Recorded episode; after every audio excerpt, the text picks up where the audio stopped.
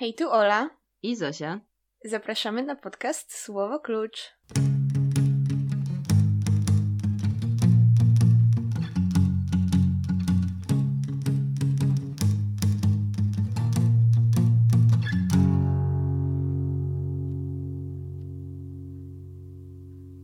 Dzisiaj porozmawiamy o sklepach cynamonowych Brunona Schulza, jako że uzyskały one najwięcej głosów w naszym epickim konkursie popularności na Twitterze i dziękujemy wszystkim za głosy. Chciałyśmy porozmawiać dzisiaj o lekturze szkolnej, żeby uhonorować w jakiś sposób początek września, skoro nie wkładamy już z tej okazji granatowych spódniczek i nie śpieszymy uczciwie do szkoły, tylko no właśnie, Olu, jak spędziłaś 1 września? Czy jeszcze pamiętasz? Tak, szłam ulicą, widziałam tych wszystkich ludzi przebranych za kelnerów i śmiałam się im w twarz. O matko, no ja pamiętam, że wstałam jakoś po południu. Więc to jest nasze zadośćuczynienie, nasza ofiara dla bogów jesieni. I skoro sobie wszystko wyjaśniłyśmy, oddaję głos Oli, żeby uświadomiła nas trochę w kwestiach Bruno Schulzowskich. Dobra, kiedy wpisujecie w wyszukiwarkę Bruno Schulz, ten jego śmieszny opis w Google mówi, że był grafikiem. Surprise, surprise, a nie pisarzem. I faktycznie chłopina nie tylko pisał, ale także rysował. Z audycji w TOK FM wiem na przykład, że rysował prostytutki w Karlowych Barach. Był także... Był także twórcą ilustracji do pierwszego wydania Ferdy Durkę. To jest fajne i na marginesie jestem, już chyba o tym mówiłam, ale jestem wielką miłośniczką ilustrowanych książek dla dorosłych. Bardzo bym chciała, żeby ilustracje znowu nie ograniczały się tylko do literatury dziecięcej. Mhm. Jeśli, moi drodzy słuchacze, macie jakieś takie książki i chcecie się podzielić zdjęciami, to zapraszam do tego serdecznie, czy to przez Twitter, czy mailowo, bo chętnie obejrzę wasze fotki. Anyway, jak pewnie wiecie, Bruno Schulz urodził się, spędził większość życia, a także zresztą umarł w Drohobyczu, w mieście położonym półtorej godzinki autkiem od Lwowa. Drohobycz jest ważnym bohaterem wielu jego prac. Schulz był bardzo związany z miastem i prawie w ogóle go nie opuszczał. Podobno zresztą, gdyby nie słynna imienniczka mojej drogiej koleżanki, pani Naukowska, być może nie byłby on nawet znany poza Drohobyczem. Mały Bruno przyszedł na świat w 1892 w rodzinie zasymilowanych Żydów. Był obrzezany, a jego rodzina pozostała w gminie wyznaniowej, ale w domu Szulców nie kultywowano tradycji żydowskich i mówiono po polsku. Rodzice Szulca zajmowali się handlem i posiadali sklep tekstylny, który został opisany w sklepach cynamonowych. W latach 1902-1910 Bruno był uczniem cesarsko-królewskiego gimnazjum imienia Franciszka Józefa. I chciałam po prostu powiedzieć tę wdzięczną nazwę. I był jednym z najlepszych uczniów w szkole. Zresztą wygląda na to, że do końca życia bardzo lubił się kształcić, miał niezwykle szeroką wiedzę, co widać również w jego pracach, w języku, którego używam, tak mi się przynajmniej wydaje. Tym, co także znalazło w nich swoje odbicie, jest pewne wydarzenie, mające miejsce rok po ukończeniu przez Szulca szkoły. W 1911 bowiem w Drohobyczu odbyły się wybory. Sfałszowano wyniki, w wyniku czego doszło do rozruchów oraz walk na ulicach, i rozruchy te były ostro poskramiane przez wojsko. Zginęło 26 osób, a 47 było ciężko rannych. I Schulz, ponieważ mieszkał w kamienicy na rynku, mógł przez okno obserwować rozwój wydarzeń i te krwawe sceny odbiły mu się najwyraźniej mocno na psychice. Biedny Schulz. Kiedy zaczęła się pierwsza wojna światowa, historia nie jest chyba zbyt łaskawa dla rodziny Brunona Schulza. Kiedy zaczęła się pierwsza wojna światowa, Schulz wraz z rodzicami uciekł do Wiednia. Podjął tam studia na Politechnice i ASP. Żadnych z nich nie ukończył, ale i tak vibe. Po roku rodzina wróciła do Drohobycza i już na miejscu umarł ukochany ojciec pisarza. Żeby podreperować trochę rodzinny budżet, Schulz wziął się więc do roboty i zaczął, niestety z mizernym skutkiem, sprzedawać swoje prace plastyczne. Na początku lat dwudziestych pracował nad swoim rysowniczym opus magnum, o którym nie będę zbyt wiele mówić, bo mi się nie podoba, lol. Yy, naz- Tytuł tego wspaniałego dzieła brzmiał Księga Bałwochwalcza. Księga przez X. W 1920 namalował jedyny znany obraz olejny, czyli spotkanie. Ten z kolei wydaje mi się bardzo przyjemny, widać to wiedeńską ASP. Wracając jednak do mojej fantastycznej opowieści. Schulz starał się zarabiać na rysowaniu, jednak nie było to łatwe, a stałą pracę udało mu się zdobyć dopiero w 1924. Zaczął zarabiać jako nauczyciel w szkole, którą uprzednio ukończył, tylko że po wojnie zmieniono jej nazwę na Państwowe Gimnazjum imienia króla Władysława Jagieły. Ziew trochę. Uczył tam rysunku, prac ręcznych, czasem nawet matmy. Pracował w tej szkole prawie do końca swojego życia, ale nie lubił tej roboty. Po pierwsze, był chorowity. Po drugie, miał czasem problemy wynikające z tego, że nigdy nie ukończył żadnych studiów. Poza tym był także nieśmiały i bał się bachorów, co jest trochę słabe, kiedy masz być dla nich autorytetem. Jak już mówiłam, Schulz zasłynął dzięki Zofii Naukowskiej. Pisarze poznali się w 1933, a kiedy rok później Bruno przedstawił koleżance sklepy cynamonowe, ta dokonała wszelkich starań, żeby było o nim głośno. I udało się. O Schulzu usłyszała cała Polska. Mimo tego Niestety jego życie najwyraźniej niewiele się zmieniło. Nadal męczył się w szkole, nadal chorował, do tego umarła mu matka. W końcu zaczęli go traktować jednak trochę lepiej w liceum i mógł wyjeżdżać na płatne urlopy, no ale i tak trochę bummer. W sensie, jak no wiecie, jesteście pisarzem, musicie jakoś nie wiem, promować te swoje prace, ogólnie mieć więcej czasu na pisanie itp. itp. A musicie się męczyć z pajacami w szkole, żeby wyżywić rodzinę. Trochę nie brzmi to jakoś najlepiej. Ale jednak udawało mu się trochę podróżować, a przy okazji poznawać także artystów, z którymi nawiązywał później korespondencję i przykładem takiego listownego przyjaciela był Witold Gombrowicz. Właśnie ta okoliczność dała Szulcowi możliwość stworzenia ilustracji do Ferdy. W 1935 roku w życiu Brunonka rozbrzmiał też miłosny akord. Zaręczył się bowiem w owym czasie z Józefiną Szelińską. We dwoje pracowali nad przekładem procesu kawki. W sensie Józefina go zrobiła, Bruno nałożył tylko poprawki, zrobił korektę, ale wydano tłumaczenie tylko pod jego nazwiskiem, żeby lepiej się sprzedało. I to mi przypomina historię Rozbitka z Cynti, książki Juliusza Werna, mm, po przeczytaniu której byłam zdziwiona, że nie jest bardzo popularna, bo to wydało mi się, że to jest jedna z najciekawszych jego książek. Co się okazało, to nie on ją napisał. Tak jak Schulz dokonał tylko korekty, napisał ją tak naprawdę inny facet, ale wykorzystano jego nazwisko w celach marketingowych. Wracając jednak do Schulza, ogólnie e, Podobno pomógł Józefinie zrealizować pomysł przetłumaczenia procesu, ponieważ miał wyrzuty sumienia, że nie potrafił się zaangażować uczuciowo tak mocno jak ona, co brzmi mega smutno. W ogóle ten ich związek to jakaś przykra historia. Próbowali razem mieszkać, nie wychodziło im, w końcu zerwali. Zerwali po tym, jak w 1937 Józefina próbowała popełnić samobójstwo, po czym trafiła do szpitala. W życiu miłosnym Szulcowi się więc już nie powodziło, natomiast jako pisarz rozwijał się, zdobywał ciągle uznanie, jego sława rosła, pisał opowiadania, eseje, no także rysował. Niestety, Anno Domini 1939. Nastaje wojna. Drochowicz zajmują Niemcy, prześladują miejscową ludność, przede wszystkim pochodzenia żydowskiego. 24 września Niemcy ustępują jednak miejsca Armii Czerwonej. Schulz jako nauczyciel musiał trochę współpracować z najeźdźcami, między innymi tworzyć propagandowe rysunki, portrety Stalina, plakaty itp. Jest trochę tego w internecie, jeśli jesteście ciekawi. Schulz próbował też radzić sobie jakoś jako pisarz, ale komuniści odrzucali jego utwory jako zbyt podobne do Prusta, a tym samym trudne do wykorzystania w celach propagandowych. W 1941 roku Niemcy ponownie wkroczyli do Drochowicza i znowu rozpoczęli represje wobec ludności żydowskiej. Utworzyli m.in. getto, do którego trafiła rodzina Szulca. Szkoły zostały zamknięte, stracił więc swoją pracę. Żydów okradano, poddawano niewolniczej pracy, masowo mordowano. Sam Schulz został niewolnikiem gestapowca nazwiskiem Felix Landau i Landau postanowił wykorzystać talent plastyczny Schulza i oddelegował go do malowania pokoju w swojej willi, ścian kasyna, malowania swoich portretów i różne takie ciekawe prace. Pisarz zaczął planować ucieczkę z getta, niestety nigdy nie udało mu się jej zrealizować. 19 listopada 1942 roku został zastrzelony. Zabito go na rynku około 100 metrów od jego pierwszego domu i jego ciało spoczywało na ulicy cały dzień, ponieważ nie pozwolono go pochować. Nie wiadomo także, co się z nim stało później i przypuszcza się, że trafił do wspólnej mogiły, ale nie udało się jej nigdy odnaleźć.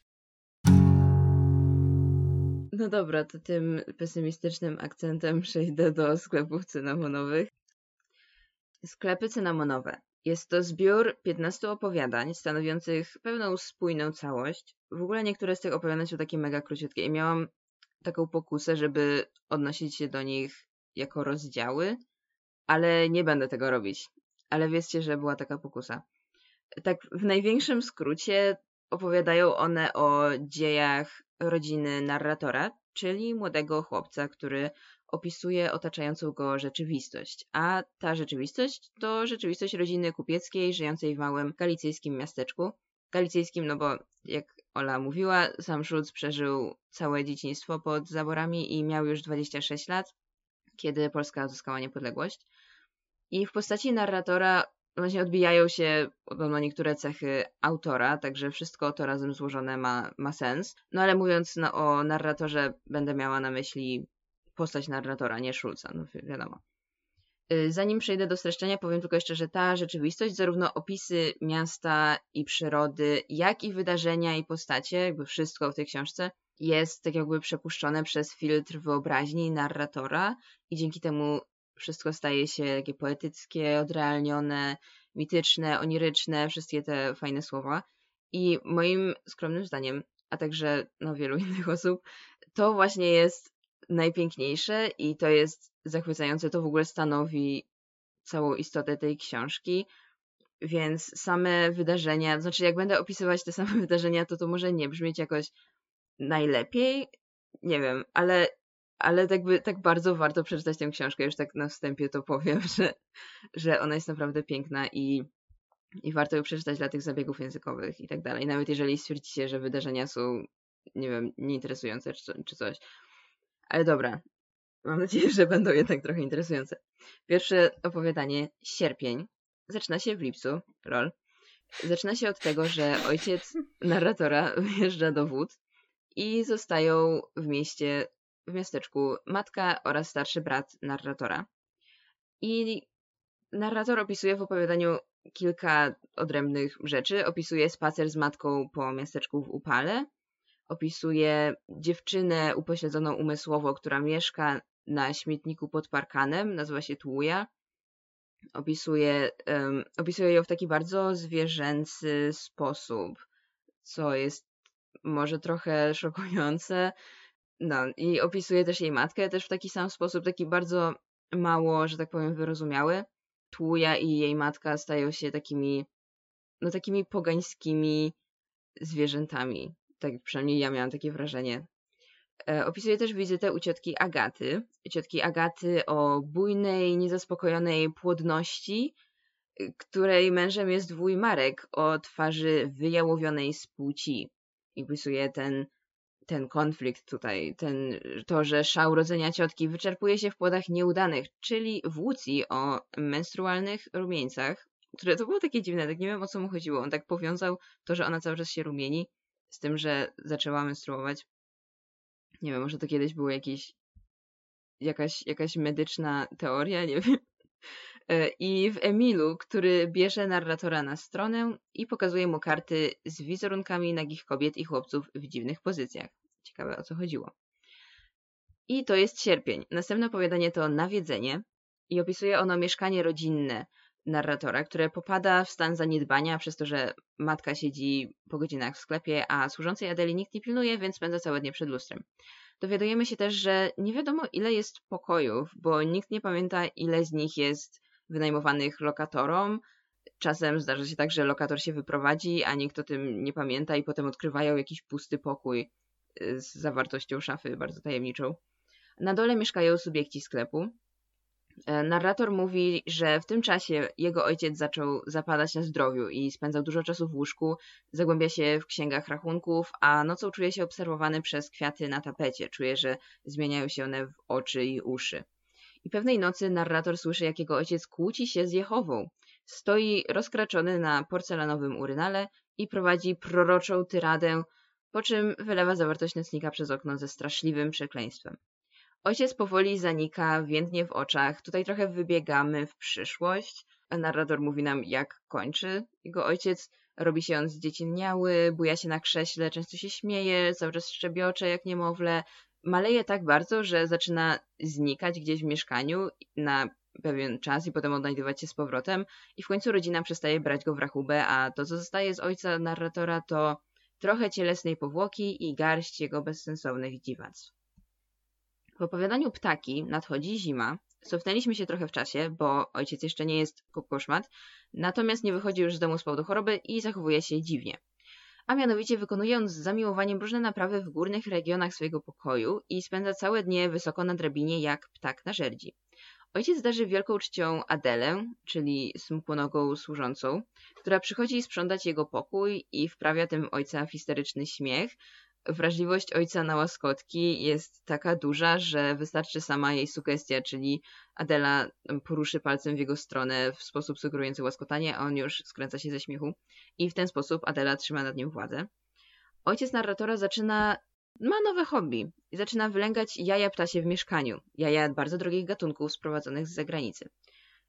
Wyprawia swoim ptakom wesela, swata je ze sobą i ogólnie świetnie się bawi. Jednemu z kondorów, który wygląda trochę jak on sam, pozwala korzystać z tego samego nocnika, co on. Cała sprawa przybiera jednak smutny obrót, bo w ogóle jest fajnie, ojciec coraz bardziej upodabnia się do ptaków, czasem próbuje bezwiednie porywać się do lotu, no i wszystko jest super, aż w końcu Adela w okresie generalnych porządków zachodzi na jego ptasie poddasze i załamuje się, bo wszędzie są ptasie kupy, wiadomo. Więc otwiera okno i wygania wszystkie ptaki na dwór, tym samym strącając ojca z tronu jego dominium. W opowiadaniu Manekiny okazuje się, że ten właśnie epizod z ptakami był ostatnim wybuchem kolorowości i fantazji w życiu ojca, który od tej pory tak trochę zbanował sam siebie do swojego pokoju i został przez rodzinę zapomniany. Panuje ciemna, smutna zima, ale za to do mieszkania przychodzą wieczorami Polda i Paulina, dziewczyny do szycia, wraz ze swoim manekinem. I któregoś wieczoru natyka się na nie ojciec i odtąd spędza z nimi czas, czaruje ich swoją osobowością, zdejmuje im pończochy, komplementuje ich formę bytu, świetnie się bawią. Kiedy przełapuje go na tym Adela, daje mu po prostu przytyczka w nos i rozładowuje jakikolwiek konflikt, jaki mógł się narodzić w zarodku. Narrator mówi, że godne uwagi jest to, że w zetknięciu z jego ojcem wszystkie rzeczy cofały się niejako do korzenia swego bytu, odbudowywały swe zjawisko aż do metafizycznego jądra. I opowiadanie to kończy się zapowiedzią narratora, że teraz postara się on wyłożyć doktrynę jego ojca, która wówczas go pochłaniała. I rzeczywiście następne trzy opowiadania, bardzo krótkie zresztą, um, których tytuły brzmią Traktat o manekinach albo Wtóra Księga Rodzaju, Traktat o manekinach ciąg dalszy oraz Traktat o manekinach Dokończenie traktują właśnie o doktrynie ojca, dotyczącej przede wszystkim istoty materii i jej właściwości. I jest to bardzo demiurgiczne i metafizyczne i w ogóle fajne. Ale my przejdźmy do Nemroda, następnego opowiadania. Nemrod to piesek narratora, który pojawia się w mieszkaniu w sierpniu jako szczeniak. I narrator bawi się z nim cały sierpień, obserwuje jak Nemrod rośnie i rozwija się, aż pewnego razu Nemrod widzi karakona pełzającego po mieszkaniu i zaczyna na niego szczekać. I tutaj pytanie do ciebie, Olu, bo wiem, że sprawdzałaś to. Kim był Nemrod? Był to facet, który zarządził wzniesienie wieży Babel, więc nie wiem dlaczego nazwano tak szczeniaka. Hmm. Coś tam było o tym takim bojowym, o bojowym charakterze tego imienia.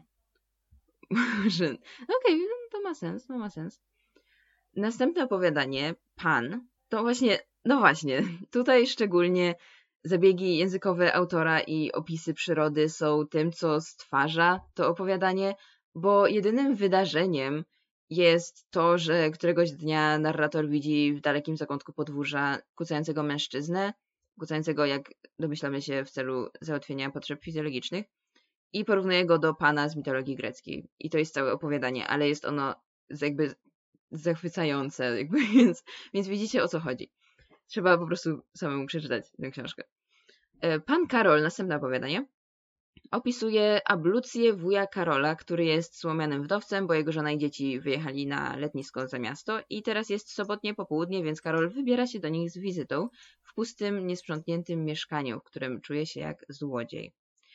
Dochodzimy do sklepów cynamonowych, czyli opowiadania tytułowego. Yes. Jest zima, Ojciec narratora jest chory i ma już dziwactwa, matka wyciąga go więc na spacery dla dystrakcji, a pewnego razu wybierają się nawet do teatru wraz z narratorem. Okazuje się jednak, że ojciec zapomniał swojego portfela, więc rodzice wysyłają narratora, żeby pobiegł po portfel do mieszkania i wrócił zanim przedstawienie się rozpocznie. Wychodzi on więc na ulicę, ale ulice nocą wyglądają inaczej, stają się labiryntem, są piękne, a poza tym narrator przypomina sobie o sklepach cynamonowych, czyli owych osobliwych i nęcących sklepach, prawdziwie szlachetnych handlach, w których pełni godności kupcy sprzedają przedziwne, egzotyczne przedmioty.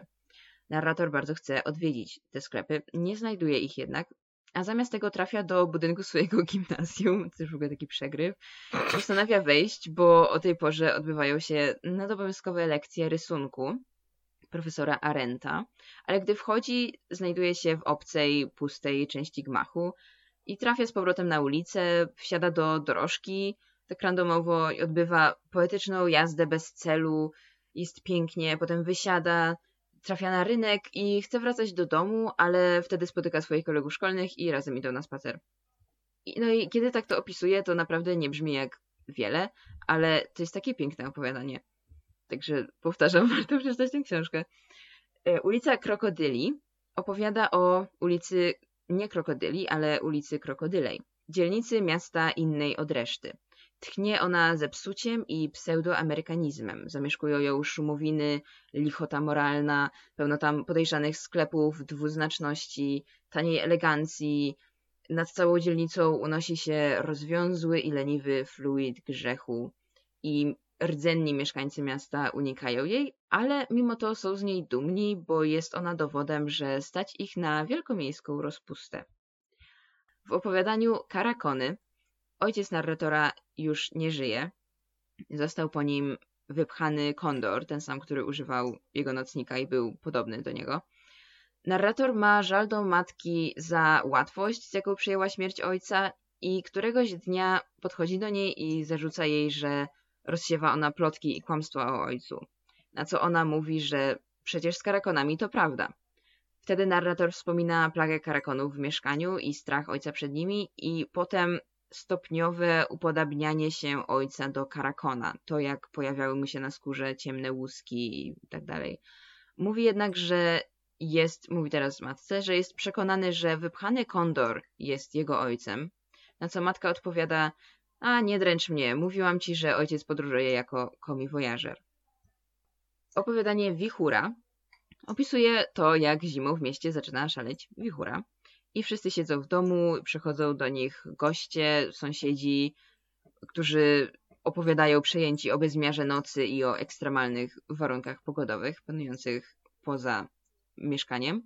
I ma się takie wrażenie, czytając, że Zresztą chyba nawet jest taki fragment, że w sumie nie wiadomo, czy świat poza domem w ogóle jeszcze istnieje, co się stało, natomiast w domu wszystko jest normalne. Tylko na zewnątrz nie wiadomo.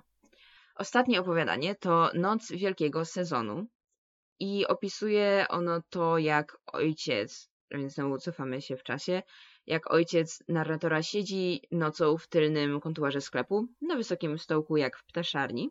Zbliża się noc wielkiego sezonu i ojciec narratora halucynuje różne ciekawe rzeczy, aż w końcu widzi ptactwo wyrzucone kiedyś przez Adelę, które powraca na niebie. Woła ptaki, ale one już go nie słyszą, nie rozpoznają go. Potem dzieci zaczynają ciskać w nie kamieniami i ptaki padają martwe na ziemię ojciec widzi, że były to tak naprawdę pęki piór, te takie, których używa się do sprzątania. I smutny i pokonany wraca do swojego domu, do kuchni, w której Adela robi świeżą kawę. Koniec. Czy nazwałabyś tę książkę powieścią? Wiesz, co, chyba tak. To znaczy, gdybym miała mówić o tym, jak ja postrzegam tę książkę, a nie o jakichś takich technicznych kategoriach i tak dalej, to Myślę, że zdecydowanie tak. Przypominała mi ona w tym w ten sposób Dandelion Wine. Tak. Nie wiem. Tak. tak, ty tobie też. No, zwłaszcza, no. wiesz co, zwłaszcza opowiadanie albo rozdział traktat o manekinach, dlatego że mamy tam także, tak jak w Dandelion Wine, kukłę, której jakby wyobraźnia przeistacza ją w czarodziejską uwięzioną istotę, tak samo jak tarotową wiedźmę, czy jak ja ją tam nazwałam w naszej ukochanej perełce. No, tak, w ogóle to, że jakby co tak cofamy się w czasie, tak skaczemy właśnie z sierpnia do zimy, z zimy do sierpnia z powrotem. To było takie, no nie wiem, ale jakby mimo to miałam cały czas wrażenie, że to jest taka jedna wielka opowieść. Tak jak właśnie mhm. taka spójna całość. No właśnie tak. Myślę, że czytanie tego jako kompletu, czytanie całego zbioru, a nie pojedynczych opowiadań trochę daje pełniejszy obraz i wtedy właśnie zastanawiasz się, czy to rzeczywiście nie jest trochę jakby powieść. Tak, i w ogóle myślę, że w szkołach ja omawiałam tak powierzchownie, bardzo tak pod koniec liceum już tę książkę i wyglądało to trochę inaczej niż zakładam u, u większości, innych, większości innych szkół. Więc chciałam znowu apelować do wszystkich naszych słuchaczy, że jeśli, jeśli nie wiem, jeśli w szkołach omawiane będą tylko dwa pierwsze opowiadania, czy coś. W ogóle tak widziałam e, w internecie, że na przykład strony swoje na Wikipedii mają tylko trzy pierwsze opowiadania w zbiorze, a reszta już nie. I zakładam, że te trzy pierwsze opowiadania są najczęściej, nie wiem, omawiane. Więc myślę, że właśnie to, tak jak mówisz, warto przeczytać całość zbioru. On jest zresztą krótki, on ma tak 106 stron, moje wydanie, a naprawdę dużo daje. Myślę, że omawianie jednego czy dwóch opowiadań w oderwaniu, no właśnie pozbawia ich tego, tej całej takiej otoczki, która nadaje im więcej sensu. My omawialiśmy w szkole ulicę Krokodyli, którą spoko można traktować osobno, ale omawialiśmy także sklepy cynamonowe i trochę mi brakowało tego, żeby był szerszy kontekst i żeby była cała, cała książka, bo kiedy połowa lekcji dotyczy obrazu ojca, który jest jednym z elementów tego opowiadania, nie jest główną postacią, tak jak nie wiem, w ptakach na przykład. Trochę czegoś brakowało. No i tak jak mówisz, to nie jest długa książka, więc nie wiem, co stoi na przeszkodzie, żeby przeczytać wszystkie opowiadania w szkole. Tak, tak. W ogóle jak już jesteśmy przy szkołach, to tak wspomnę o, o pojęciu oniryzmu. Jeśli ktoś nas słucha, kto chodzi jeszcze do szkoły, bo mogę się założyć o cokolwiek, że żaden nauczyciel nie pominie tego pojęcia przy omawianiu sklepów cynamonowych, bo tak, to jest tak takie, tak jest. mam wrażenie, że to jest takie kluczowe pojęcie, więc oniryzm, no i dobrze, bo jakby pasuje. Oniryzm jest to tendencja w literaturze i filmie i tak dalej, i tak dalej, polegająca na kreowaniu rzeczywistości na wzór snu i w nawiązywaniu w budowie utworu do reguł rządzących marzeniem sennym.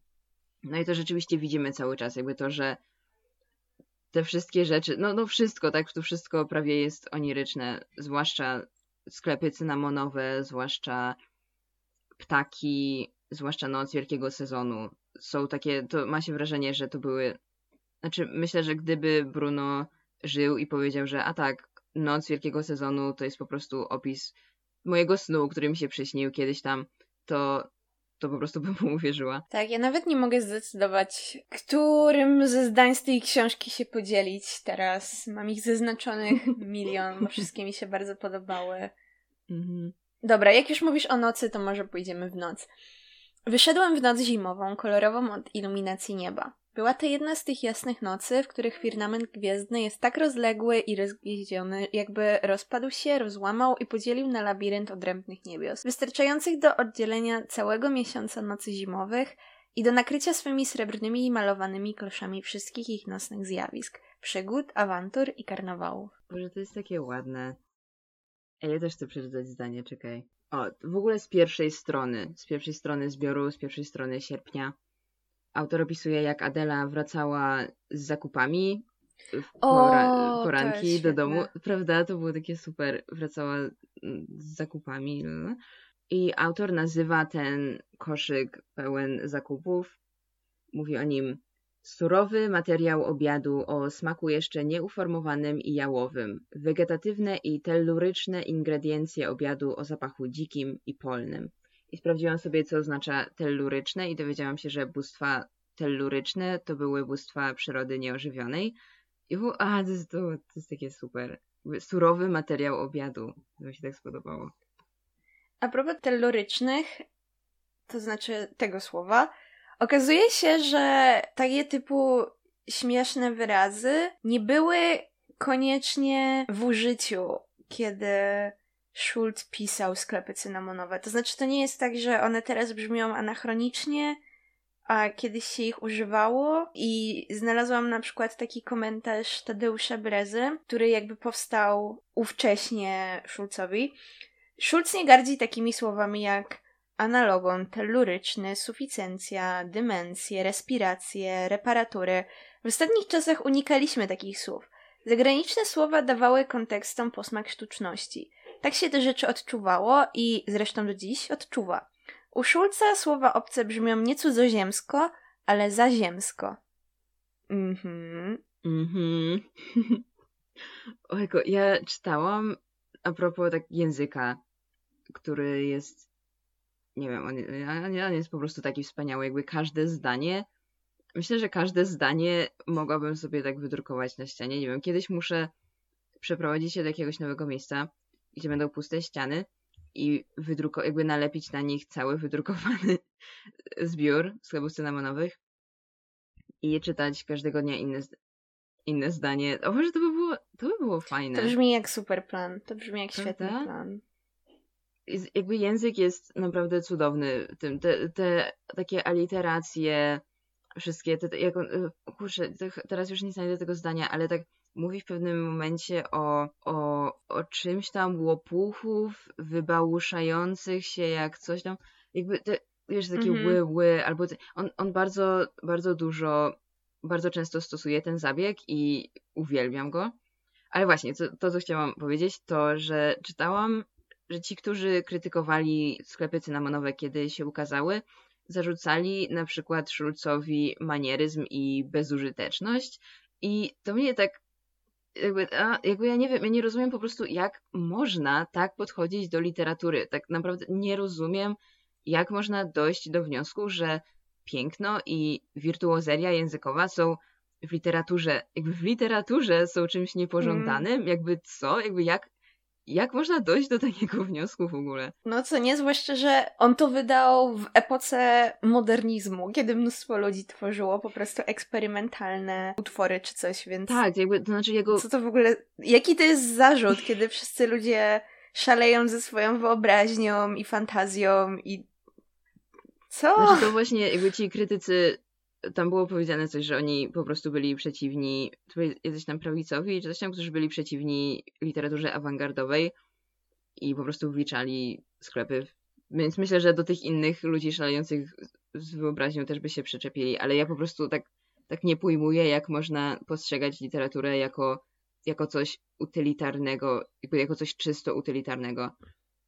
To, to jest jakby, nie, nie cierpię tego, po prostu nie rozumiem, jak jak w ogóle można postrzegać ją w taki sposób. Myślę, że dużo jej to odejmuje po prostu. No, na szczęście, hm, może nie na szczęście, ale nie zgodzili się z tobą komuniści, którzy mu zarzucali, że jest polskim Prustem i chcieli go publikować. I w ogóle w kwestii tego Prusta to nie wiem, czy tak bardzo wyraźnie widzę paralele na poziomie narracji. Tak jeszcze to chyba nie jest dla mnie ten poziom, ale w historii na pewno. Cała cały ten pomysł na wspomnienia z dzieciństwa, młody chłopiec, jego wrażenia dotyczące jakichś elementów otoczenia blisko domu i przede wszystkim wisienka na torcie Adela, tak jak Franciszka, służąca, która po prostu nie daje sobie w kaszę dmuchać. Jezu, jak mi się bardzo podobała ta postać Adeli.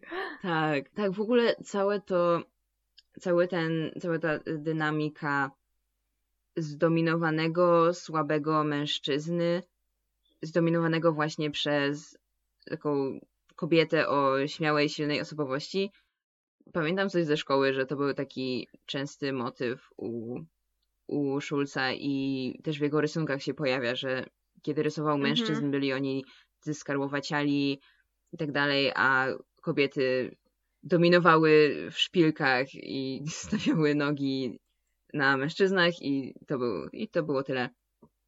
Więc to też jest ciekawe, myślę, jakoś nie wiem, mm, nie wiem, to jakby ten opis tej bujnej płodności jego ciotki Agaty w sierpniu i, i tej takiej, tego wuja, który nie dorastał, po prostu nie był w stanie zaspokoić płod, jakby, potrzeba płodności tej ciotki była opisana w taki sposób, że nie była tak, że nie chodziło tylko o, o rodzenie dzieci, tylko po prostu jakby miało się wrażenie, że to jest cała jej istota.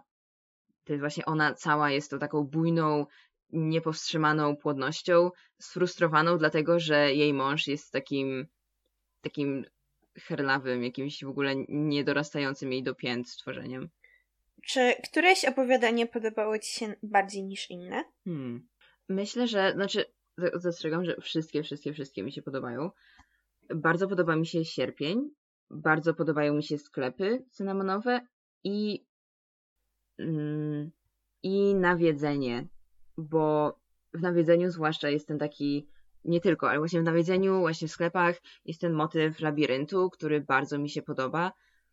Zwłaszcza podoba mi się, kiedy odnosi się do mieszkania. Tak jak mówiłam, także oni nie pamiętają, ile jest pokojów wolnych, coś, coś tam, odkrywają w szafach jakieś dziwne rzeczy. Jakby te, ta wizja mieszkania jako takiej krainy, w której można się zgubić na całe dnie, tak jak ojciec narratora, w której można nat natknąć się nagle na jakieś zupełnie nowe przestrzenie, niezbadane jeszcze.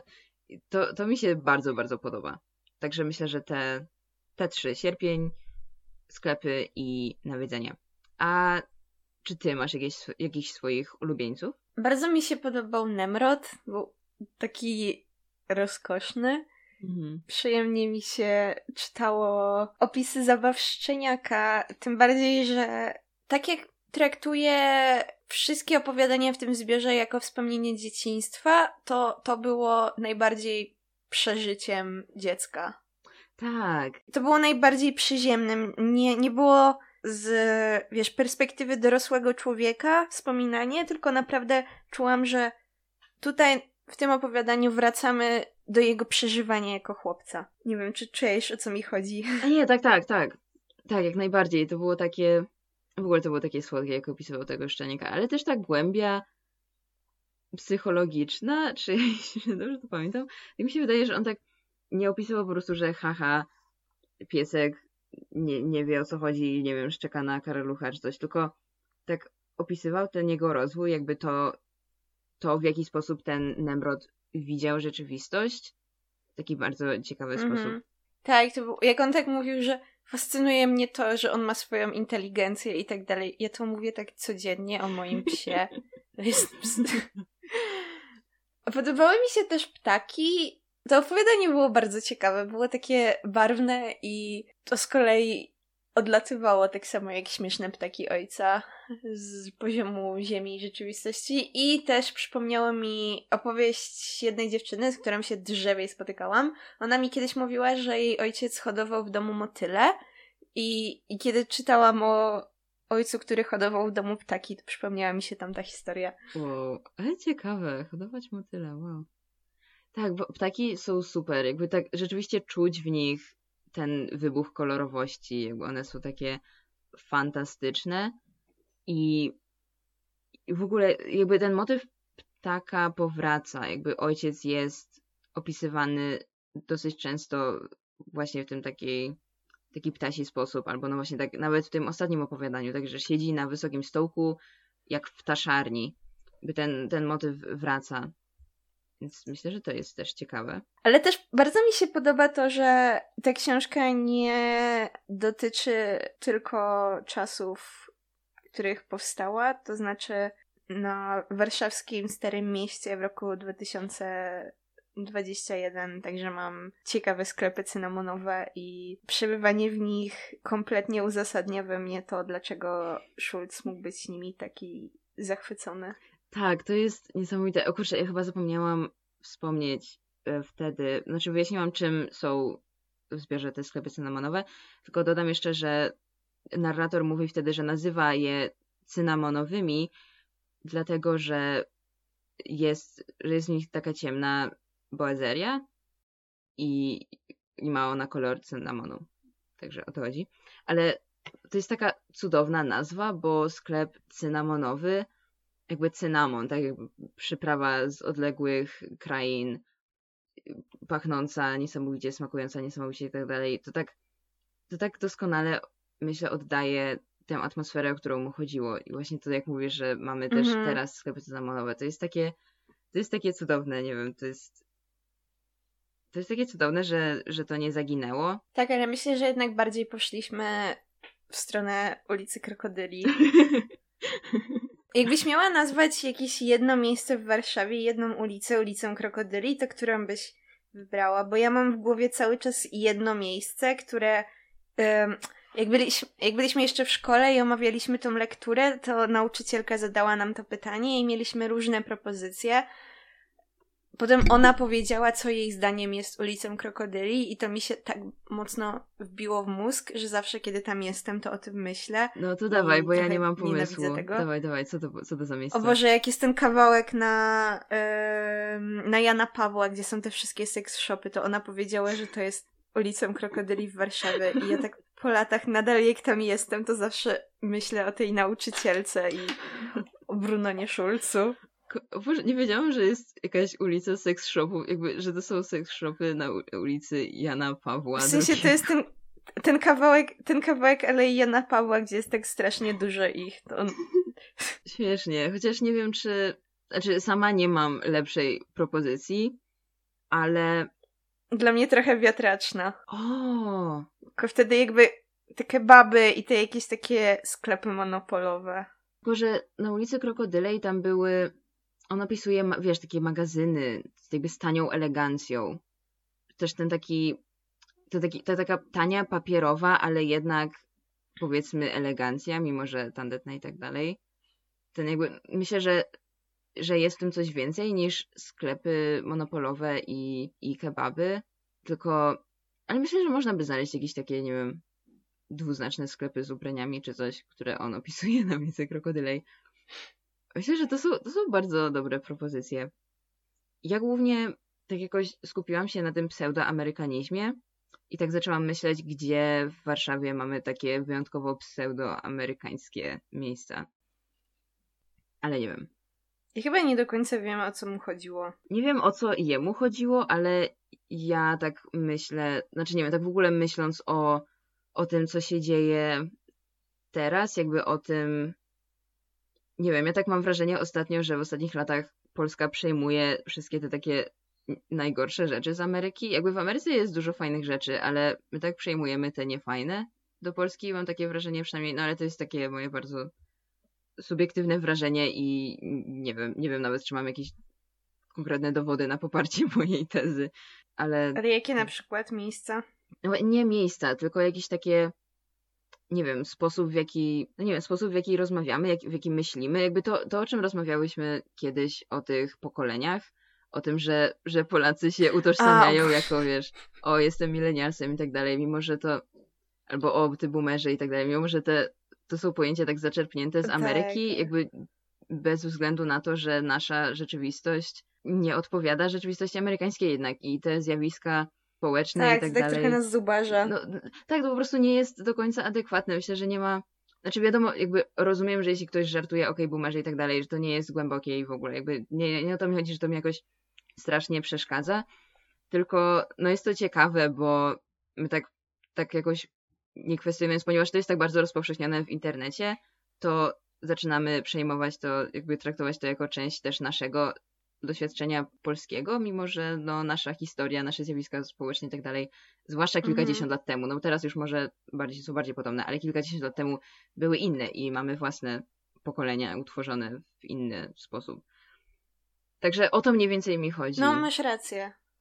Tak, tak, czaję, że nie tylko powiedzmy architektonicznie przyjmujemy ulicę Krokodyli, tylko też trochę na całą naszą kulturę i jakby tożsamość. Tak, jakby to, wiesz, że ja do tej pory myślę często o swoim życiu, jakby postrzegam swoje życie przez taki pryzmat amerykańskiego filmu high school, teenage high school Mhm. drama i tak dalej, mimo że te moje doświadczenia nigdy nie będą takie jak w tych filmach. Jakby to nawet, i nawet nie chodzi o to, że, bo wiem, że wiele osób w Ameryce, wiele młodych osób w Ameryce też, jakby ich życie nie wygląda tak jak życie na filmach, jakby oczy, oczy obviously, ale, ale wiesz, no to samo to, że my nie mamy promu, my nie mamy, nie wiem, mm, jakichś wiesz, nie mamy takiego kultu sportu, w sensie nie mamy, nie mamy czy liderek Tak. i tak dalej. Jeszcze- Więc jakby, a mimo to oglądam, kilka lat temu oglądałam te wszystkie filmy i patrzyłam na swoje życie, jakoś tak porównywałam swoje życie do tych filmów, mimo że moja rzeczywistość jest tak totalnie, totalnie inna od tej amerykańskiej. Ale dobra, tak zeszłam z Hmm. tematu, ale Ale to. Nie, ale to jest bardzo ciekawe faktycznie, bo ja myślałam, myślałam o tym tak. O tym opowiadaniu o ulicy Krokodyli tylko w jakby takiej, w takiej płaszczyźnie dotykalnej, że o dobra, wszędzie po prostu się panoszy tandeta i każde małe miasteczko jest taką ulicą Krokodyli i zatraca jakiś swój klimat, bo wszystkie rynki wyglądają tak samo, coś tam, coś tam. Ale faktycznie to nie jest. Ty, ten problem jest szerszy i faktycznie to nie dotyczy tylko budynków, sztuki i tak dalej, tylko też naszej tożsamości i mhm. globalizacja. To znaczy, to jest fajne na pewno, że mam cały świat w kieszeni, ale faktycznie trochę rzeczywiście. Hmm. Może coś tracimy w ten sposób. no. Ciekawa uwaga, Zosiu. O, cieszę się. Cieszę się, że cię zaciekawiła.